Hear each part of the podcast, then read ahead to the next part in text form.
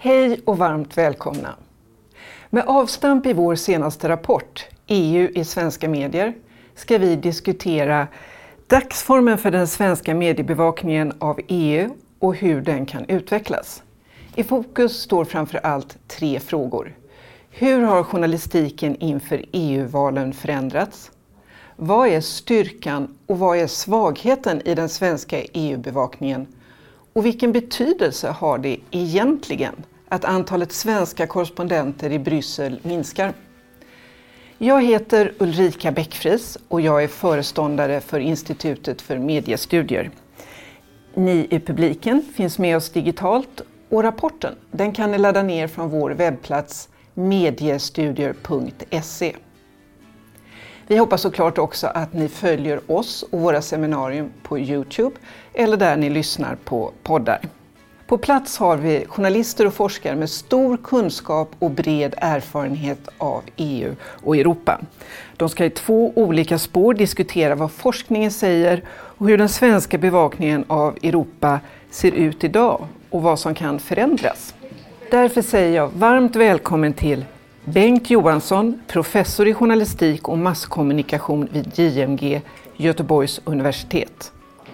Annika Ström Melin, EU-kommentator, journalist och författare. Göran von Sydow, direktör för SIEPS, Svenska institutet för Europapolitiska studier.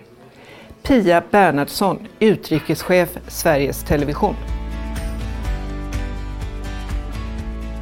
Och jag ska alldeles strax lämna ordet till dig, Bengt Johansson, professor vid Göteborgs universitet i journalistik. Du är tillsammans med Peter Dahlgren ansvarig för den forskning vi presenterar om EU i svenska medier under de sex senaste EU-valen. Just det.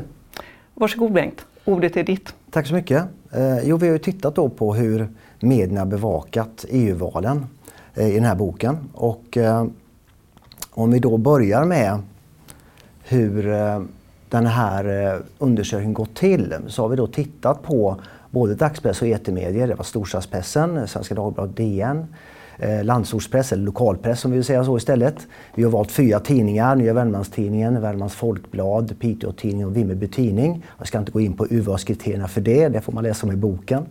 Eh, och så har vi tittat på Expressen och Aftonbladet som kvällspress och etermedieredaktioner, Rapport 1930, Ekot i Sveriges Radio och eh, TV4-nyheterna. Eh, och det här är då ett urval, jag menar, det är inte all bevakning som finns. Jag menar, etermedierna kommer alltid illa ut en sån jämförelse i mängd för att eh, det går ju inte in så mycket etermedienyheter som i en sändning som det gör i en tidning. Men det gör en möjlighet att jämföra hur rapporteringen har sett ut under de EU-val vi haft i Sverige sedan 1995 och framåt. Då. Och det är det vi ska titta på lite här och visa de resultaten som jag och Peter har kommit fram till. Eh, först något om EU-valen dock. De är ju lite annorlunda än eh, riksdagsval och presidentval och sådana här saker som man brukar kalla för första rangens val. Då är medierna på topp och eh, har stort intresse. Medborgarna röstar gärna och är intresserade och partierna och kandidaterna satsar stora resurser. Eh, det är de val där vi har störst intresse för från alla håll egentligen. Tittar man då på EU-val så brukar de räknas som andra rangens val inte lika roliga, inte lika heta från väljarnas sida. Man röstar i mindre utsträckning.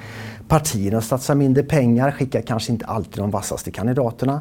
Och dessutom är mediernas intresse ganska litet. Så att andra rangens val, inte bara EU-val utan även lokalval, regionval brukar man räkna till det här. 2019 så hade vi ett lite annorlunda EU-val. Helt plötsligt var intresset större igen. Det var i svallvågen efter Brexit, det var efter flyktingvågen 2015 och dessutom blir ju EU som institution utmanat lite grann i fråga om rättsstatens principer i bråken mellan EU och Polen och EU och Ungern och så. Och dessutom hade vi flera länder där populistiska partier gick starkt framåt. Så att helt plötsligt blev EU-valen lite mer intressanta igen och väljarna röstade mera, medierna verkar lite mer intresserade och så vidare. Sen kom sociala medierna som en ny faktor som vi inte riktigt sett tidigare. Slog igenom på bred front har vi kunnat visa i flera studier. Men det sagt var det ändå inte en kampanj. Det var ganska mycket olika kampanjer i olika länder. I norra Europa eh, så var det mycket mer fokus på miljöfrågor, klimatfrågor än vad det var i Sydeuropa där välfärdsfrågor var till exempel mycket mer i fokus. Eh, så att det var inte en kampanj och givetvis i Storbritannien handlade det bara om Brexit. Så att det var lite olika kampanjer i olika länder. Dessutom är det så att alla de här EU-valen tenderar att bli så kallade barometerval. Att de lite blir en utvärdering av den nationella politiken än att handla om EU-frågor. Och det är inget unikt för Sverige, så ser det ut i alla länder egentligen och i alla EU-val. Och det är lite grann den roll som andra rangens val får. Att de helt enkelt blir en indikator på hur det står till med den nationella politiken. Så det, det är liksom den bakgrunden vi har. Med det sagt då har vi ställt tre frågor till det här materialet som jag ska presentera nu. Och det ena är då väldigt enkla, alltså hur mycket bevakas EU-val i nyhetsrapporteringen? På vilket sätt gestaltas EU i, val, i nyhets, nyhetsrapporteringen och eh, hur behandlas olika politiska partierna i valrapporteringen? Så tre enkla frågor. Vi kan jämföra dem från valet 95 och framåt. Vi ska också jämföra lite grann med riksdagsval och till och med lite grann med USA-valet, hur svenska medierna tog sig an det. Börjar med första frågan då. Hur mycket var det då? Och ser vi här så började 1995 eh, så, och 1999 ganska mycket, eller vad nu menar med mycket, det är några artiklar per dag, varje, varje dag fram till valdagen. Sen sjunker intresset och 2014 är det all time low. Men då var det också ett riksdagsval samma år så att resurserna fanns inte riktigt och inte intresset. Men som vi ser här 2019 så ökar intresset igen. Och den här formen på intresset ser vi kanske i alla medier egentligen. Men utvecklingen ser lite olika ut. Tittar vi liksom på olika medier, hur man bevakat EU-valet, så ser vi att storstadspressen har faktiskt minskat sitt intresse över tid. Det var som störst i början, ganska överlägset störst i början, för att sen sjunka och så öka lite grann i slutet. Kvällspressens kurva ser annorlunda ut. Den var inte så speciellt hög i början, men så ökar den över tid.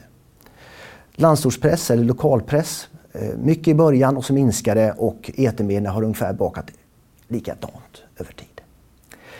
Det här är inte unikt riktigt för Eh, EU-val utan riksdagsvalet visar faktiskt samma tendens. Storstadspressen har minskat sitt intresse lite grann för riksdagsvalen. Delvis att göra med nya format och så vidare men det verkar som kvällspressen har tagit över stafettpinnen lite grann med att leda valbevakningen.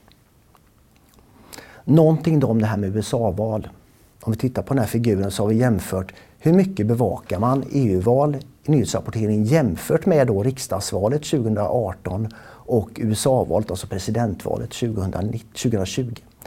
Eh, det finns beskrivet också i rapporten Kampen om Vita huset som vi gjorde för något år sedan. Då ser man ju att det är ett andra rangens val e i EU-valet, den orangea, den orangea stapeln.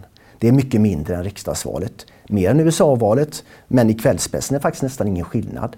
Det är nästan lika mycket om USA-valet som det är om EU-valet och det här kan man ju fundera kring då vad, eh, hur det här är och på vilket sätt det ska vara. Så att ett andra rangens val, vi har mycket kring USA-valet som vi kan sätta i perspektiv och kring hur mycket vi bevakar EU som vi också kanske kan diskutera sen, relevansen i nyhetsvärdering som jag tycker är intressant.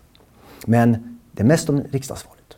Med det sagt har vi tittat på hur mycket det bevakas, men frågan är hur det bevakas. Och här har vi tittat på då gestaltningen eh, och det här har vi ett mått som jag använder nu och det handlar mycket tolkande journalistik. Det. Och det ska man då skilja mellan den rent raka nyhetsrapporteringen som bara beskriver vad som hänt mot den tolkande journalistiken som försöker förklara varför det ser ut som det gör, vilka konsekvenser det kan få, eh, mer analyserande och tolkande texter. Jag lägger ingen värdering här. Det kan både vara vilda spekulationer och det kan också vara initierade analyser. Så att detta finns liksom ingen värdering i att det är tolkande på det sättet. Men det säger någonting om karaktären på hur rapporteringen ser ut. Och då ser vi att generellt sett så är det mest beskrivande nyheter. Det är mest rak nyhetsrapportering över tid. Mest var det så i början, 95. Men det sjunker. Det blir mer och mer tolkande journalistik över tid. Från då någonstans knappa 20 procent 1995 till ungefär 30 procent, så nästan dubblerats på de här åren som vi haft EU-val och det ökar hela tiden. Det är också en trend i generell journalistik så det är ingenting som är bara handlar om EU-val. Men det finns skillnader när vi tittar på de olika presstyperna framför allt. Då ser vi att kvällspressen har alltid haft mycket mer tolkande journalistik och det vet vi sedan andra studier, så är det. Det är kvällspressens signum att ha mycket mer av, inte bara rapportera utan också försöka tolka, prata om konsekvenser, prata om förklaringar och kanske också viss mån spekulera. Storstadspressens bild är ganska annorlunda från att ha varit väldigt rapporterande blir det mycket, mycket mer tolkande. Och det är liksom den stora förändringen vi ser. Det är storstadspressen som förändrar sig. Dels att man har mindre bevakning men också att den bevakning man har blir mycket, mycket mer tolkande. Tittar vi på etermedier och lokalpress så är bilden ganska stabil. Lokalpressen har nästan bara ren rak rapportering. Etermedierna har lite mer tolkande men det ligger på ungefär samma nivå hela tiden. Det sagt då, skiljer detta sig mellan EU-valsjournalistik och nyhetsrapportering om riksdagsval eller USA-valet så ser man här på den här figuren att EU-valet skiljer ut sig lite genom att vara mer tolkande än annan valjournalistik. Så det finns tydligt ett behov, eller ett sätt att bevaka EU-valet som att man måste förklara både förklaringar till varför det ser ut som det gör, konsekvenserna lite på olika sätt. Så att det finns någonting i EU-valet som skiljer ut den här mot annan valbevakning. Riksdagsvalet verkar man kunna bevaka mycket, mycket mer med rak nyhetsrapportering och beskriva vad som hänt, vem som sagt vad och så vidare. EU-valet och även till viss USA-valet kräver mer av tolkande insatser än vad journalisterna verkar det som, om vi tittar på de här siffrorna. Så att där ser vi vissa skillnader i valrapporteringen beroende på vilket val det handlar om. Och vi ser också viss utveckling över tid. Mer tolkning, mest tolkning i EU-valsrapportering. Vi ska säga något också om de som syns. Det här är valaffischer från senaste valet till EU. Så jag har lagt in procenttalen för hur mycket uppmärksamhet totalt partiet fick. Alltså kandidaterna, partiet i stort, partiledarna och så vidare. Och ska man se på logiken av, vi ser att Sverigedemokraterna fick mest med 22 procent. Sen sossarna på 14 procent, även Kristdemokraterna 14 procent, Moderaterna 10 och sen i en fallande skala. Jag har inte med Fi här men de ligger också ganska lågt. Principen kan man säga för vem som syns i ett EU-val i medierna, den är delvis opinionsspeglande. Alltså stora partier får lite mer uppmärksamhet än små. Det är väldigt tydligt i riksdagsval. EU-valet är inte riktigt lika tydligt. Den finns där, men det sticker ut på annat sätt. Och när vi tittar på EU-valet så finns det några saker som gör att det skiljer ut. Dels är det mindre bevakning, då kommer enskilda händelser få större genomslag. Men skandaler, opinionsraketer, opinionsdalande blir mycket större nyheter. Det är mer händelseorienterat under ett EU-val. Händer det någonting, som en skandal under 2019 med Lars Adaktussons röstande i abortfrågan i EU-parlamentet som DN uppmärksammade, som blev en stor nyhet, slog igenom jättestort. Gjorde att Kristdemokraterna fick mycket uppmärksamhet men också mycket kritik. Sverigedemokraterna fick kritik av alla. Men också, det hade en stor skandal när Peter Lundgren blev anklagad för sexuellt ofredande som också slog igenom stort och användes av de andra partierna för att kritisera. Andra partier som Miljöpartiet, ganska lite uppmärksamhet och ganska lite kritik. De var ganska mycket medieskugga. Så att det är lite andra mekanismer. Och en ytterligare mekanism som är väldigt viktig när det gäller EU-valet och uppmärksamhet för partierna, det är att regeringsfrågan inte finns. Annars brukar ett regeringsparti få regeringsbonus. Man får lite mer uppmärksamhet för man är i regering. Regeringsfrågan finns ju inte. Och då blir också den frågan borta från dagordningen och ifrån hur partierna presenteras. Så ska vi sammanfatta då. Eh, hur det här ser ut. Några slutsatser. Det är ett andra rangens svar, framförallt jämfört med riksdagsvalet. EU-valet 2019 var lite av en comeback för EU-valsrapporteringen. Det var mycket, mycket större omfattning och också mer intresse på olika sätt och valdeltagandet ökade också. Kvällspressen har ökat sitt intresse för EU-val över tid, men även för riksdagsval. Mer tolkande journalistik i EU-valrörelsen över tid, mer tolkande journalistik i EU-valrörelsen jämfört med andra valrörelser. Det är opinionsspeglande men också mycket skandalfokuserande eller opinionsraketer och opinionskraschar kan man väl kalla det då. Uppstickare opinionsspiraler, opinionsspiraler präglar mycket av bevakningen och frånvaron av regeringsfrågan är helt central för hur bevakningen ser ut. Det är några av de slutsatserna som jag och Peter Dahlgren drar i de kapitel som vi skriver om i boken. Tack så jättemycket Bengt. Jag blir bara så nyfiken, du säger att det har blivit mer tolkning och värderingar, det är en trend inom journalistiken, men varför sticker det ut så just i bevakningen av EU-valen? Jag tror att det här beror på, som sagt, trenden är generell, det gäller all valjournalistik. Men det sticker ut och det gör det tror jag beror på att EU är en lite främmande fågel fortfarande när det gäller att valbevaka. Man måste förklara en massa saker. Man tror inte, kanske med rätta, att väljarna inte riktigt vet hur allting fungerar med de olika institutionerna, vad EU-parlamentet har för makt egentligen. Och det är mer oklart kanske vad ett valresultat betyder. Så jag tror helt enkelt det handlar om att EU-valet är fortfarande en lite främmande fågel i svensk journalistik och kanske också för de svenska väljarna, kanske även för de svenska partierna. Men nu har vi varit med i EU nästan 25 år. Det kan man också säga nästan ett kvarts sekel. När tror du att skiljelinjen mellan EU och inrikespolitik försvinner så att det växer ihop? Jag frågar om det gör det. Eh, någonsin. Alltså, vi är i EUs periferi på många sätt. Eh, dels geografiskt men också eh, det är ju många som menar att, att Sveriges hållning gentemot EU är lite avvaktande och lite EU-skeptisk även fast vi inte har någon Swexit och sådana här saker att prata om. Så finns det ändå, jag menar tittar man på de svenska partiernas kampanjande inför EU-valet 2019 så är det egentligen bara Liberalerna som omfamnar EU. De andra partierna är mer eller mindre skeptiska även i sina valbudskap fast de då är för EU. Och jag tror att det finns den här skepsisen, den är litet svenskt kännemärke faktiskt. Och jag tror att eh, jag tror inte journalistiken kommer att ändra på det. Jag tror om någon ändrar på det så är det partierna. Så om jag förstår dig rätt så menar du att det är inte bara journalistiken som gör att det är mer tolkningar utan det är också inställningen, hur eh, politikerna hanterar EU? Nu har vi ett seminarium journalistik och man ska inte spela ner det då men alltså ibland så tenderar vi kanske att tro att journalistiken kan ändra allting. Jag tror att det finns mycket större krafter i rörelse än bara journalistik som gör att EU-bevakningen ser ut som den gör. Det handlar om hela det svenska samhället och hela det svenska politiska systemets relation till EU. Där gör du en fin övergång för den här forskningen som vi presenterar den ger en kvantitativ och avslöjande bild av den journalistiska utvecklingen. Och för att koppla den till den redaktionella utvecklingskurvan har vi också med oss Annika Ström Melin, mångårig EU-reporter, kommentator och författare. Varmt välkommen Annika! Innan vi går vidare på spåret här om journalistik, bara spontant, vad säger du om eh, det Bengt presenterar? Ja, men det är jätteintressant.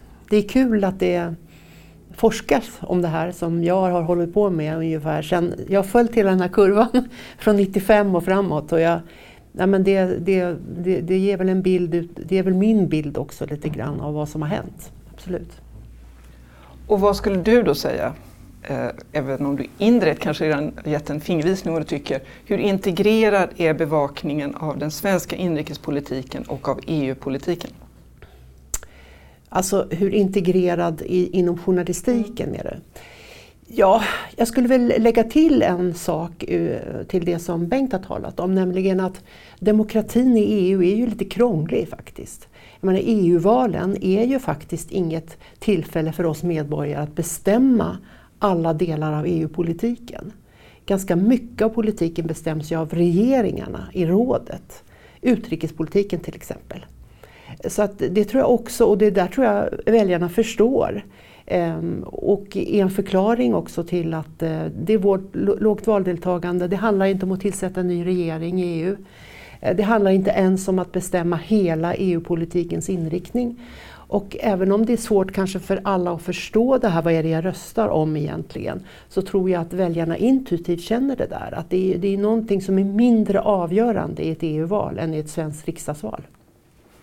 Vad säger du om det Bengt? Nej men så är det ju.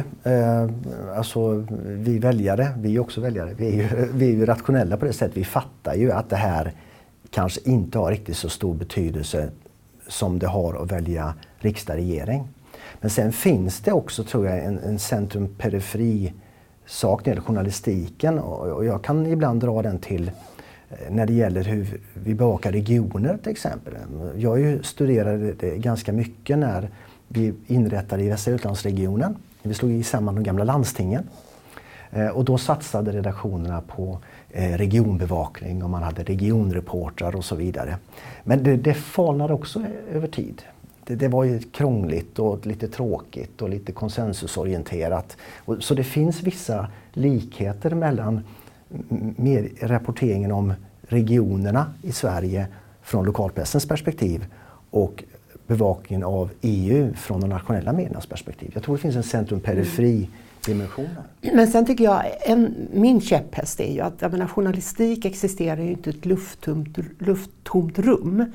Utan jag, tycker att, jag tror att en förklaring till att det, det här är också att de politiska partierna ägnar sig så lite om EU-politik.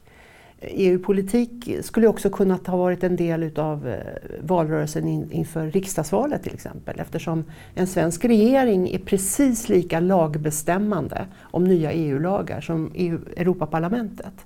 Men, men vi ser ju, det är ju knappt någon inrikes diskussion om EU-frågor.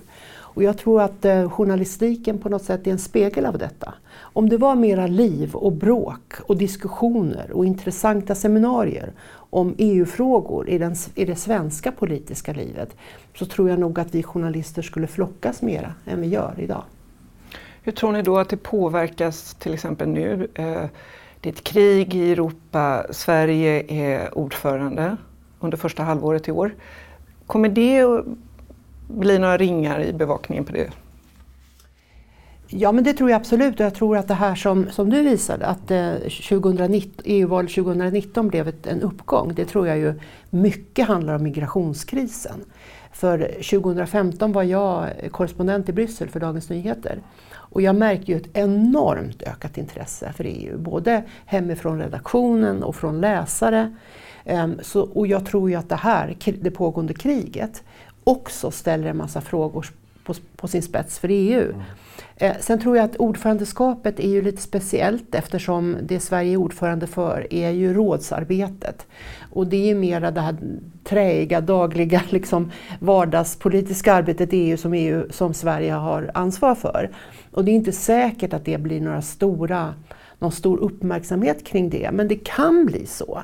Det är två stora lagstiftningspaket här, det är migration och det är klimat där Sverige ska leda förhandlingarna i rådet mellan medlemsländernas regeringar. Och där finns det en massa motsättningar. Den svenska regeringen har ju en ganska speciell position där.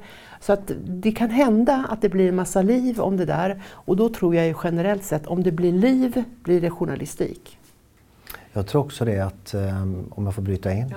Eh, att vi har haft liksom ett antal kriser nu där EU varit centrala. Vi har haft migrationskrisen, flyktingkrisen, vi har haft också pandemin och vi har haft också Ukraina-krisen. Och, och jag, min tolkning är lite grann att de två första kriserna var lite splittrande på många sätt. Eh, mellan olika delar av EU började bråka. skapar ju sig intresse, precis som du säger. Medan då kanske Ukraina-krisen har varit mer, mer enande på många sätt. Man ser liksom fördelarna med EU och ett enat EU. Så att kriser i sig driver kanske faktiskt EU-intresset lite för att då blir man också varse att vi är med i ett EU-samarbete, vi är med i EU och det blir också då vissa konfliktlinjer kommer till ytan eller att man enar sig mot något yttre som man kan samlas kring. Så att för EU-frågan och EU-journalistiken så, så, kan nog kriserna så att driva på det intresset. Får jag ta upp en sak som jag ändå reagerar på i din framställning när du beskriver att skandaljournalistiken eh, fick ett genomslag 2019. Mm. Och eh, jag har ju läst rapporten och du tar upp eh, Dagens Nyheters granskning av Lars Adaktusson. Och jag tycker att det är fel att kalla det för skandal. Jag tycker det är en klassisk granskning. Och om jag skulle säga något som jag tycker att EU-journalistiken leder brist på så är det just granskning. Vad hände med besluten? Vad har våra politiker gjort? Vart leder det här till? Jag tycker att det skulle behövas mer av sånt och jag tycker inte att det är skandal. Det är en skandal men inte skandaljournalistik. Skandaljournalistik är något annat. Det är granskning, men det är en skandal. Så att säga. Det, är en, i, en sorts, det här blir väldigt samhällsvetenskapligt forskningsbegrepp när vi använder, det ordet. Men det är journalistisk granskning, helt klart. Men det blir ju en skandal för partiet att, att det här saker publicerar. Så att eh, det är inte skandaljournalistik, det är något helt annat. Annika, du skriver ju i rapporten om det, det svenska journalistiska utanförskapet. Eh, förklara, vad menar du då? Jo, ja, det, det, är en, det är en text som jag skrev till en, en EU-forskare som, som gick i pension. Men ja, jag tror ju att vi svenska journalister också är en del utav det här svenska förhållningssättet till EU som har ju varit lite distanserat. Det tog 40 år innan vi gick med. Och jag tycker att det där lever kvar lite grann som att vi inte riktigt är med om det här. Det är som att EU beslutar, att EU är någon annanstans. Men det här är ju svensk politik. Det här berör oss här och nu. Så jag försöker beskriva den här lite blicken som jag tycker att journalister och politiker och kanske medborgare har på EU. Att det där har inte riktigt med oss att göra. Vi är inte med och fattar besluten. Så att det, det är det jag menar med utanförskapet. Det ligger ju i linje med vad du också säger Bengt, att eh, den här distansen och lite eh, du hade en bra bild häromdagen. Du sa att vi står utanför danssalen tvekar ja, om vi ska lite vara som med. Ska, ska vi vara med och dansa eller inte? Mm. Men det är också om man, om man går tillbaka till de här affischerna som jag visade så är det ju bara Liberalerna som har liksom pro-EU-affischer på riktigt. I andra länder ser man ju många partier som är, som är för EU, som är pro-EU och har pro-EU-budskap. Och det är väldigt sällan man ser det på svenska valaffischer utan de är oftast väldigt defensiva. Möjligtvis lite skeptiska. Alltså, nu låter ni också lite deppiga. Så att vad är styrkan tycker ni i den eh, svenska EU-bevakningen? Jag börjar med dig Annika.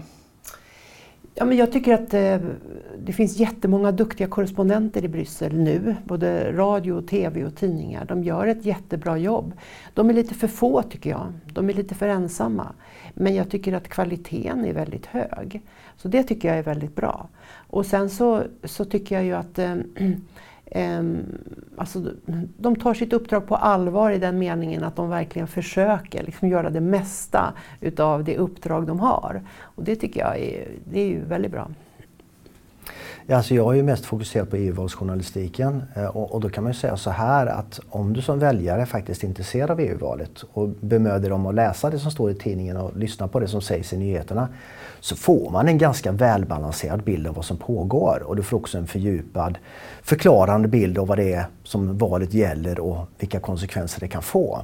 Så att det är inte så journalisternas fel om väljarna inte har lärt sig någonting utan eh, det finns där. Det kunde vara mer, kunde varit ännu mer spännande och så vidare men det finns eh, god kvalitativ valjournalistik. Helt klart. Den naturliga följdfrågan efter en fråga vad är styrkan, det är så här, vad är svagheten? Men det har ni redan varit inne så mycket på så jag tänker vi har talat mycket om vad vi saknar eller, och vad som skulle behövas mer. Men vad får vi för mycket av i EU-bevakningen? Alltså jag tycker att det är, problem, det är, det är lite svårt med EU-journalistik därför att om man ska kunna ge en riktig bild av det som händer så måste man följa alla de här små, små stegen. Och ibland kan jag tänka att vi i början där, 95, 99, att det nästan blev lite för mycket av det här lilla. Liksom. Att man som läsare eller mediekonsument kanske inte orkar följa med. Jaha, nu har rådet fattat, liksom kommit överens nästan, men nästa steg är att Europaparlamentet ska komma överens och sen ska det bli en trilog. Och, och mina redaktörer brukade fråga, har det hänt något? Liksom? Finns det ett beslut? Och jag fick ofta svara, nej inte riktigt, för att sen ska det här i trilog och sen kanske det blir en lag. Och då tror jag att eh, ja, det finns en fara i för mycket för gnetig bevakning för man, de stackars läsarna kanske inte orkar följa varenda steg. Så på något sätt kan jag tycka att det kanske har varit en tillnyktring från den där första håsen i början. Att det är en bättre bevakning ibland när man, det som du kallar för tolkande journalistik. När man tar lite större grepp och när man försöker sätta ett beslut i sitt sammanhang. Vad var frågan? Vad får vi för mycket av? Nej men alltså det är ju flera som i, i boken pekar på det här att det blir lite SO-bok, alltså samhällskunskapsorienteringsbok i, i rapporteringen. Och, och, det kan ju vara... Och, men det beror ju på också att vi inte riktigt lärt oss. Alltså jag tror att eh, journalisten har rätt i att vi vet ibland kanske mindre om hur EU fungerar än ett amerikanskt primärval där många av oss har väldigt goda insikter om till och med sådana här små förval i delstater kring hur man ska vaska fram en kandidat än vad som faktiskt pågår i, i, inom EU. Så att jag hoppas ju på något sätt att vi kan komma förbi den här eh, tröskeln när vi inte behöver förklara allting utan kan rapportera naturligt precis som vi gör med riksdag, regering och USA-val utan att varje gång behöva förklara alla processernas eh, bakgrund och vilken gång de har. Så att det är väl fortfarande kanske lite mycket sånt. Ja, men det tycker jag verkligen, det håller jag verkligen med om. Och jag tror att läsarna också inte vill bli undervisade hela tiden. Men, men det jag skulle säga, om jag får ta en sista käpphäst, mm. så tycker jag att, jag tycker att det finns ett problem med den här, det här du beskriver, den här mer tolkande journalistiken. Även om jag tycker att det finns ett behov och att mycket av det är bra, så tror jag att vi journalister de som är aktörer i politiken, alltså verkstadsarbete, de folkvalda helt enkelt, måste synas och märkas och intervjuas mer. Och det tycker jag inte gäller bara EU, det gäller ju riksdagen också. Tänk vi har 349 riksdagsledamöter, hur mycket ser vi av vad de gör? Det, är bara, det blir som fokusering på ledarna. Och i Europaparlamentet så tror jag liksom det, här, det här idoga politiska arbetet i demokratins tjänst som görs. Det, man måste ju liksom få lära känna dem. Vilka är de? Vad står de för? Så att det tycker jag är faran med den här eh, trenden som du visar. Det får inte bli för mycket tolkande. Aktörerna måste fram också. Där Annika så säger jag varmt och stort tack till dig. Och eh, så möblerar vi om i panelen. Och då ska jag säga välkommen till Pia Bernhardsson, utrikeschef på Sveriges Television och Göran von Sydow, direktör vid SIEPS, Svenska institutet för Europapolitiska studier. Ja, nu är det ett nytt spår, men jag vill ändå helt kort bara höra hur mycket ni känner igen i den forskning som Bengt Johansson presenterade i första delen. Jag börjar med dig. Ja, men jag tycker det är ganska uppenbara resultat på ett sätt. Jag tyckte det var intressant spår i den här med förändringen i karaktären. Alltså det här mot mer tolkande inslaget. Det tyckte jag var, om inte överraskande så var det väldigt tydligt. En tendens som jag tycker mig själv har sett också. Pia? Mm, ja, men jag håller med. Det, det var väl det som fastnade hos mig och också tycker jag det här resonemanget om skillnaden mellan speljournalistik och sakjournalistik. Jag vet att det ligger dig varmt om hjärtat och vi kommer att prata mer om det. Jag ska först bara vilja säga att den här rapporten innehåller ingen jämförande forskning med hur det ser ut i andra länder. Men jag tänker att ni som har så brett perspektiv, vilka skillnader ser ni ovetenskapligt mellan svenska medier och andra länders medier? Mm. Ja, nej, men jag tycker det hade varit ett välkommet inslag kanske i rapporten också att göra det. Och det finns ju forskning om det, så att säga, där man ser vissa skillnader ändå. Men jag tycker väl att de små inslag som finns i rapporten, det är ett kapitel där det tas upp till exempel antal korrespondenter och det ger ju en, ändå en fingervisning om att de svenska medierna är lite mindre närvarande då i Bryssel. Sen kan man väl tänka, i alla fall så kan jag säga att de, en del av de länder, och särskilt större länder som också har varit medlemmar i EU längre, där kan det finnas en tendens att kanske EU-frågorna är lite mer ja, integrerade i eh, journalistiken på ett annat sätt. Vad säger du Pia? Ja, men det skulle jag gissa. Jag, jag, är verkligen inte expert på detta men jag tänker mig att um, i Frankrike, i Tyskland blir det naturligt, tror jag, att ha ett större fokus på EU för det är deras ledare är väldigt drivande i politiken. Så på det viset tror jag att det är skillnad. Pia, du har också kallat EU för en elitistisk lök. Vad menar du då egentligen? Ja, det kanske jag har. Nej, men ehm, det är ju ett, eh, ett ehm, delikat och svårt uppdrag journalistiskt att ehm, rapportera om EU. EU gör det ju inte alltid enkelt för oss. Jag menar taxonomi, vad är det? Så att det här är ju en utmaning naturligtvis.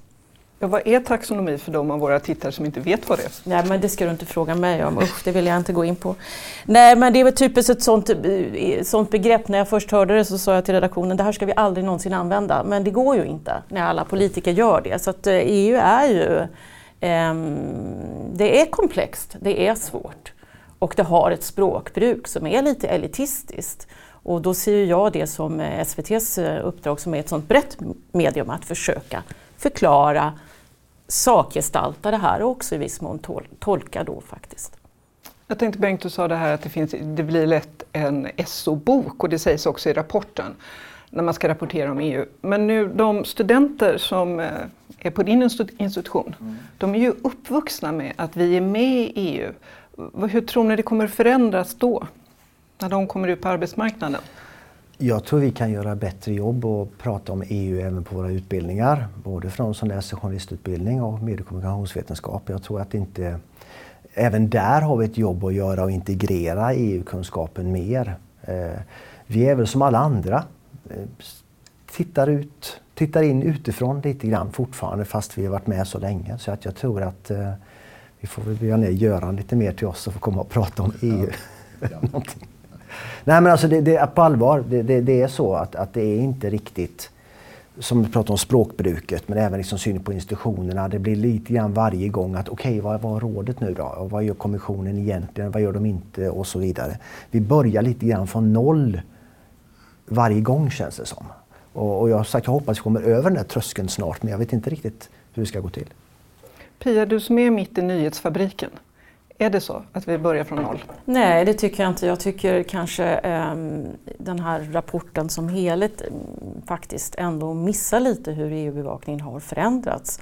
Den har ju blivit oerhört mycket mer eh, angelägen skulle jag säga och det är ju själva nyhetsflödet som sådant som har bidragit till det. Att eh, ehm, En rad frågor, klimatpolitik, Politiken till exempel där EU definitivt är en, en drivande aktör, en angelägen fråga för många.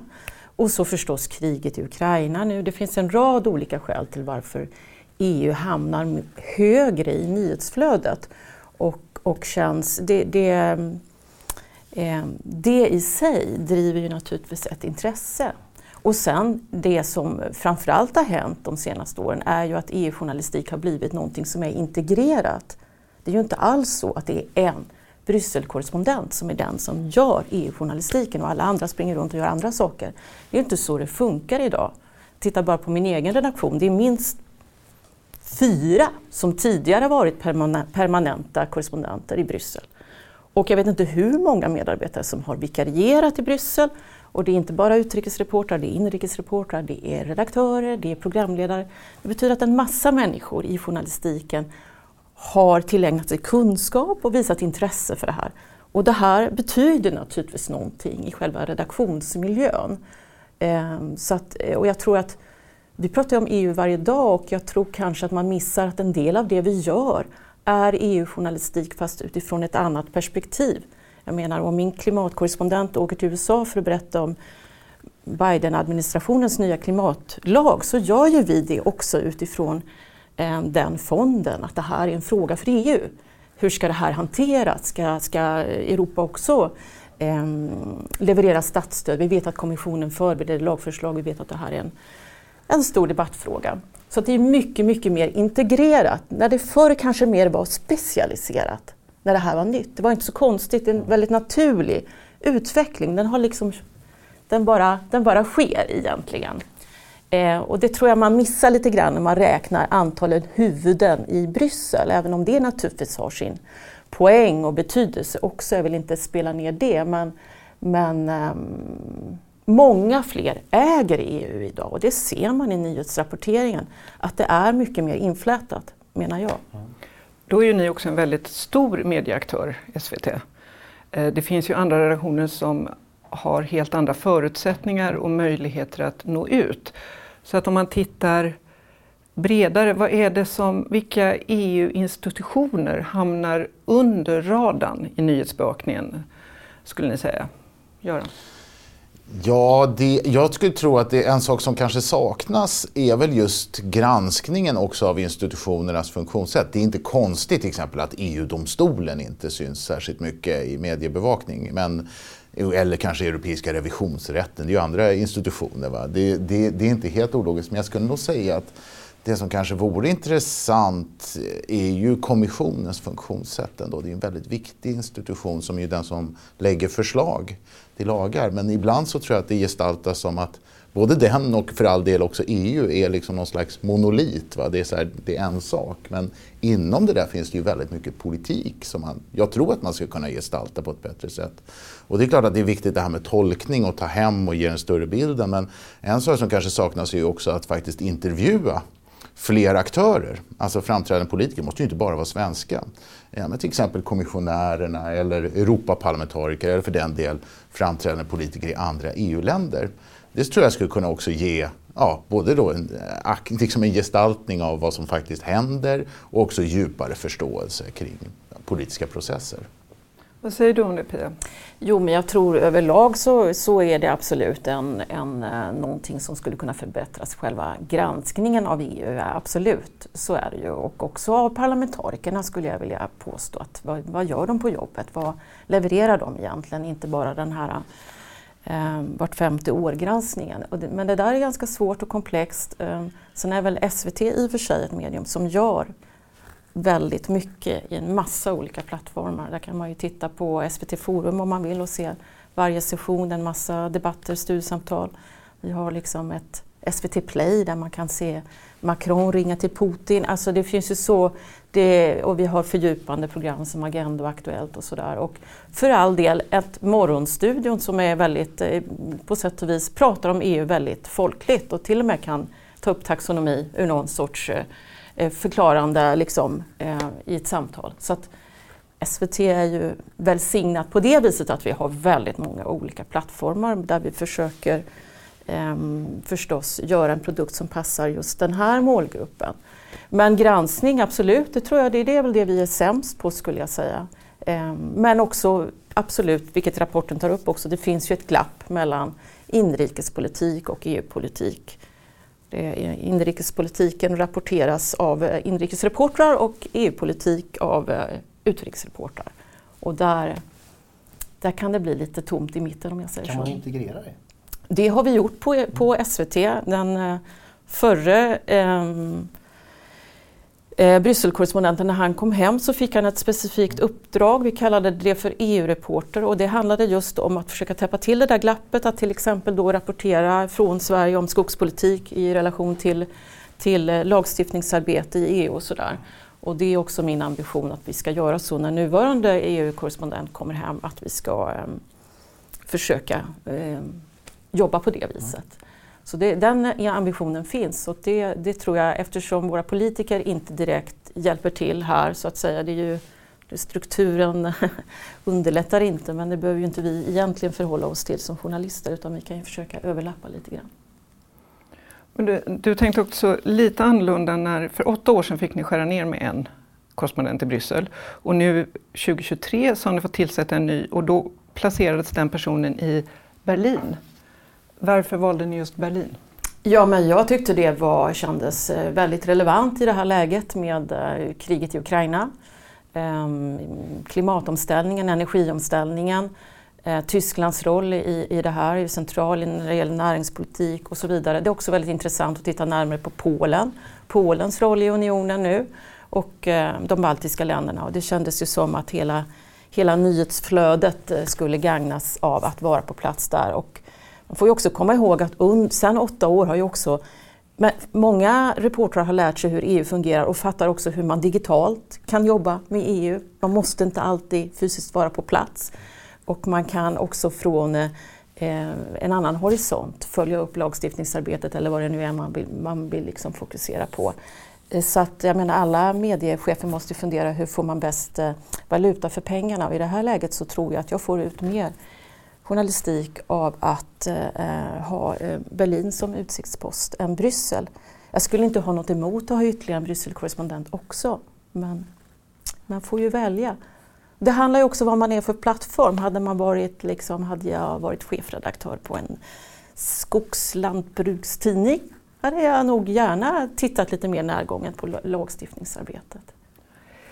Forskningen i rapporten visar också att eh, EU visserligen beskrivs som mäktig, men också som något negativt. Varför är det så?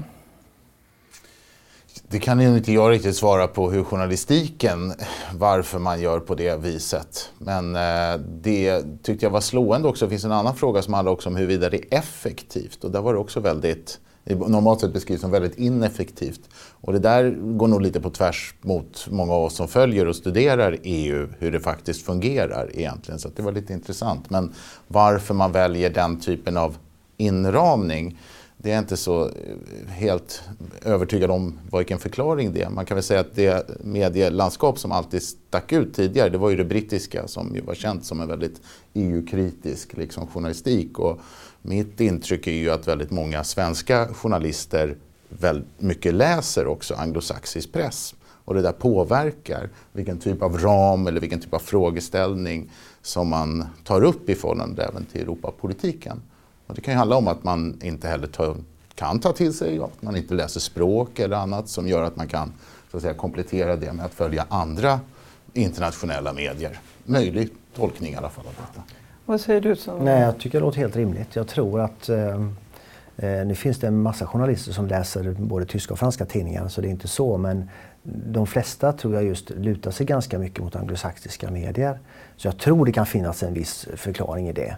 Eh, men sen är det ju lite grann, jag skulle ändå vilja hävda att bilden av EU i Sverige är lite kritisk, alltså det är några där borta fortfarande. Jag tror att det, att det spelar viss roll. Nu säger jag inte att all journalistik är så, precis som du säger, så har ni ju massa andra plattformar med fördjupning och så vidare. Så att den bild som vi ger här är ju eh, väldigt korta nyhetsinslag, det är inte hela bilden. Eh, så att jag tror den präglas mycket mer av nyhetslogiken och i nyhetslogiken blir ofta de som är långt borta mäktiga och kanske också lite mer negativt beskrivna. Och då, ja Bengt, du har ju helt rätt i det. Detta är ett journalistiskt seminarium om EU-journalistik. Men i det här gestaltandet och i, för att sprida kunskap om EU, skulle man kunna använda några andra format? Tänk på Vita huset eller någonting? Nej, men jag, alltså, jag, jag brukar ju alltid ta det som exempel, alltså populärkulturens roll i det här. Och nu kanske jag har fel, men jag tror inte det finns någon tv-serie om EU som jag känner till åtminstone som sänds, på, sänds i Sverige. Alltså vi har ju Vita huset som är unik på det sättet att där beskrivs faktiskt politik i grunden som någonting positivt. I nästan all annan populärkultur beskrivs politik som någonting negativt, maktfullkomligt, maktspel och så vidare. Men eh, kanske ett Vita huset då för EU. Men det faktiskt finns en, en sån serie, men den har nu till slut köpts in av ett väldigt liten mediebolag i Sverige som ska sända det på svenska. Och den heter? Jag kommer inte ihåg vad den svenska titeln blir, men den handlar om Europaparlamentet och är alltså helt enkelt en, någon typ av satirisk, underhållande eh, serie. Så att, men det kan man se då, tror jag, på Men det är också ett kritiskt perspektiv då? Det kan jag svära Om den är satirisk. Men det som kanske har tillkommit också är ju delar av den fördjupning. Jag menar, många som är väldigt intresserade av EU läser ju naturligtvis det som skrivs mycket i internationella medier eller de specialiserade. Sen har det ju kommit till exempel som Europapodden, utrymmen för lite mer fördjupning och det där är väl någonting som man tänker sig att man kan fortsätta utveckla. Nu är de här studierna på nyhetsmedierna. Men det finns ju andra utrymmen för just lite mer att tänka att det är olika delar helt enkelt. Så att SVT har ju flera olika utrikesbyråer men där tycker jag ju för min del att Europabyrån vore väl en logisk, en logisk eh, del av det. En sista sak som jag ändå tycker som är relevant här är ju att Alltså nu pratar vi om EU-journalistik, det vill säga vad som händer i Bryssel. Och det är ju en väldigt viktig del, för det är där beslut fattas. Men det finns ju också det som är Europabevakning. Och ibland så tror jag att de här journalisterna, i mitt intryck, de förväntas kunna göra båda sakerna samtidigt.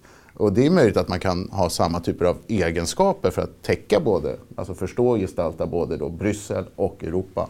Men jag tror ändå att här blir det ändå en resursfråga till slut och jag tror att vår förmåga att förstå de europeiska länderna, politiska förutsättningar, utgångspunkter, det har väldigt stor betydelse för att också faktiskt förstå EU-politiken. Så att jag tycker här helt enkelt finns det ett utrymme det har blivit mer fokus på utveckling i en del av europeiska. Det är mitt intryck i alla fall. Och paradoxalt nog är det som driver fram det, det är ju konflikterna. Alltså populismen särskilt. Alltså där, där, I de länder där det har gått bra för dessa partier, som ofta är kritiska mot EU och så vidare, där blir också journalistiken mer intresserad.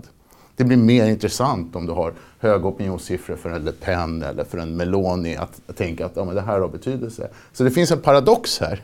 Vi europeiserar Alltså det vi ibland pratar om, en europeisk offentlig sfär, ett samtal och så. På basen av det som faktiskt är konflikten kring det. Jag skulle bara vilja, för den här paradoxen som du talar om, den är väldigt spännande. Jag skulle vilja att du bemötte det här med att om vi tittar på hur skillnaden EU-Europa som ett bevakning? Ehm, jag tror att det finns ett stort värde som eh, korrespondent att både bevaka Bryssel och Europa. Eh, och det gör det mycket lättare att eh, förklara också ehm, andra länders agerande. Vi lägger ganska mycket fokus på det, att försöka förstå också det andra perspektivet för att det här ska bli en mer fullödig bevakning. Jag menar till exempel, varför röstar folk på Orban? Till exempel, bara för att ta något ur hatten. Sånt är väldigt viktigt och att få den förståelsen eh, är, är väldigt betydelsefullt tror jag. Att, så det, ett, ett visst en kombination av det här, Europabevakning och EU-bevakning, Brysselbevakning, det tror jag är viktigt. Sen kan man ju diskutera hur många man ska vara. Men det man ibland glömmer bort och i den här rapporten glömmer bort också är ju att SVT har ju faktiskt fyra korrespondenter i Europa, då, eh, Turkiet oräknat, och en rad personer som har sin bas i Stockholm och reser eh, till Europa med olika destinerade uppdrag. Så att vi är ju faktiskt många. Vi har också ämneskorrespondenter som utifrån klimattech eller vad det nu är eh, lyfter eh, EU. Så att, eh, jag, tror på, jag tror på den där, eh, eh, att man binder ihop det där faktiskt. Jag tror det är värdefullt. Ja, alltså jag ska bara bemöta det. Nej, vi har inte med alla era eh, korrespondenter för att då blir det väldigt svårt att jämföra. Så att man fick ändå begränsa det till maktcentret Bryssel. Det är ju ett ganska trubbigt mått också. Journalistik är ju svårt att mäta ibland så eftersom det är en resande yrkeskår. Så vi valde det ganska trubbiga måttet för att ha någonting att utgå från. Eh, jag vill hålla mig fast vid de här kriserna för att det har ju varit ganska dramatiskt för Europa under många år nu. Stora flyktingströmmar, klimatförändringar, pandemi och nu ett fullskaligt krig som ju få av oss trodde vi skulle behöva uppleva. Och det här sättet, det är ju på ett sätt journalistisk mumma, men det är också för unionen sätter det ju press och väldigt eh, kan bli interna stridigheter. Hur tycker ni att de diskussionerna kommer fram i den svenska mediebevakningen? Ja, men jag tycker nog att det har blivit... Jag tror att det finns en logik att kriserna och att det står saker på spel. Att det liksom är på den nivån som beslut måste fattas och gör man inte det så kommer det bli ännu mer problematiskt. Det har nog ändå, tycker jag, framkommit. Så på det sättet så har ju kriserna kanske drivit fram också mer bevakning och gestaltning av det här. Lägg till också, som du inte nämnde, Brexit har ju varit väldigt så uppmärksammat och väl, vad man ska säga, bevakat för att det är en så stor påfrestning. Så att, eh, jag tror nog ändå att det här gradvis gör, och samtidigt så tycker jag också att genom kriserna vet vi ju att EU också normalt sett utvecklas till att det fördjupas. Alltså det blir mer typiskt sett makt då på EU-nivån. Och då tycker jag ju som en allmän princip att liksom, makt och ansvar ska ju följa varandra och journalistiken har ju en väldigt viktig roll i det. Att granska helt enkelt och gestalta och synliggöra hur den här makten utövas. Så att om någonting blir viktigare någonstans, ja men då kanske också, vad vet jag, det är inte den som bestämmer hur journalistiska resurser förläggs, men då logiskt sett så behöver man också mer av den typen av granskning. Till det kommer ju att ofta kan det ju vara så där, och det har ju kommit upp här i samtalet också, att politikerna gärna vill tona ner eller kanske inte skapa en konflikt kring det. Och då är det ju väldigt svårt att, alltså då blir det en extra utmaning så att säga om politikerna till exempel i nationella val av medvetet säger vi vill inte prata om det där som har med EU att göra. Då blir det desto viktigare att journalistiken och andra kan faktiskt lyfta det och ställa frågorna, men är inte det här egentligen en fråga som avgörs på EU-nivå? Eller varför pratar ni bara om de här sakerna? Så att det finns en del, det finns nog en del kvar att göra. Eh, vad säger du om det Pia? Ja, men det, det, håller jag absolut med om. Det finns ett stort utrymme också att, påpeka för svenska politiker att, att, en hel del av det här som vi pratar om här kanske egentligen inte bestäms här utan någon annanstans. Det, det finns det ju, där finns det ju en, en sträcka att, att gå fortfarande. Det tycker jag absolut. Brexit har ju dykt upp här några gånger och jag vill bara säga det till er som inte hunnit läsa rapporten att vi har ett kapitel om Brexit. Jag tänker att det är en så komplex fråga som har fått så väldigt mycket medieutrymme så att just under det här seminariet så droppade vi Brexit. Mm. Rätt eller fel, men eh, det är ett av de journalistiska valen vi gjorde idag. Mm. Nästa år är det val till EU-parlamentet. Eh, du har varit inne, Göran, på att det är paradoxen att mer EU-kritik så blir det mer bevakning. Men hur tror ni att, mot bakgrund av de här kriserna, kommer EU-bevakningen se annorlunda ut i nästa val? Jag kan bara säga en sak att jag sa någon gång, tror jag, i slutordet av den bok vi skrev om EU-valet, eller kampanjerna kring EU-valet, ehm, att det kommer nog handla om covid nästa EU-val. Jag har haft fel förr som jag brukar säga eh, och där hade jag en gång till. Eh, vi vet inte. Troligtvis skulle jag ju säga idag då att Ukraina-konflikten, eller kriget i Ukraina ska vi säga, eh, kommer säkert påverka EU-valet ganska mycket. Men vem vet? Jag har haft fel förr som man säger. Men energifrågan är ju en sån sak som idag tror jag i alla fall att det är så. Men vi vet inte. Det kommer något inflygande från sidan som vi inte har sett. Det finns en liten svårighet tycker jag. Jag tror att EU just nu befinner sig i ett stort vägskäl. Man är pressad av allt det här som händer samtidigt som vi är i en process där det kanske kommer ske en utvidgning och det finns parallellt med det stora behov hos vissa menar att vi ska fördjupa. Det i sig borde ge upphov till vad man ska säga, de här breda inriktningsfrågorna. Vad ska vi med det här till? Vad ska det här samarbetet handla om? Men där är kanske dilemmat om man tänker sig en väldigt snävt svensk valbevakning av ett EU-val. Då blir det lätt mer ner till sakfrågorna. För det är det som alla svenska politiker hellre vill tala om. Man vill prata om vad ska vi göra med det här? Hur ska vi driva på den här frågan och sådär. Och det i sig ska jag säga, det är ju rätt logiskt för det är sånt som Europaparlamentet faktiskt har makt över. De har inte makt över breda frågor som ska Sverige gå in i euron eller eh, ska vi ändra fördragen och sånt där. Så det, det, det, är liksom på ett sätt logiskt. Å andra sidan så kan jag tycka ibland att det som saknas i den svenska Europadebatten generellt sett, det är ju ändå de här lite bredare linjerna. Vad vill vi med det här samarbetet på sikt? Hur ser vi på det? Hur bör det utvecklas? Hur ska demokratin fungera? Och så där. Men det är ganska svårt att eh, alstra fram om du inte har politiska aktörer som är roade av det helt enkelt. Det såg ut som du tog sats för att säga något. Nej, men jag tror väl i och för sig, liksom rent eh, intellektuellt så kan man ju tänka sig att det finns förutsättningar för ett, ett djupare eh, samtal och en djupare bevakning av EU som är lite mer existentiell helt enkelt. För det är ju där liksom kanske inte det har fastnat riktigt i, i i svensk kontext. Även om svenskar har varit positiva till EU länge så kanske mer med hjärna än med hjärta. Vi har inte den här, eh, den här gemensamma historien av, av, av eh, krig och fred som många andra länder ändå bär nära. Det märks ju inte minst nu med, med eh, kriget i Ukraina naturligtvis. Så kanske blir det liksom lite, lite, mer, mm, ja, lite mer känsla kring EU-debatten det tror jag kan driva intresse och kanske till och med stiger det fram någon politiker och säger något passionerat om EU. Det är lite ont om det och varit det ganska länge tycker jag. Ehm, vi har inte ens en Marit Paulsen längre. Alltså det finns inte så mycket. Det där spelar ju roll för den journalistiska bevakningen. Vilka politikertyper som så att säga är i, i, eh, i politikens centrum. Det Pia tycker jag blev väldigt fina slutord för den här debatten som tyvärr måste avslutas. Och jag försöker nu avrunda genom att säga tack till er, Göran von Sydow, Pia Bernhardsson och Bengt Johansson. Och ett lika stort tack till er i publiken. Ladda ner rapporten EU i svenska medier från vår webbplats mediestudio.se. Och glöm inte att följa oss och våra seminarier på Youtube eller där ni lyssnar på poddar. Tack och hej!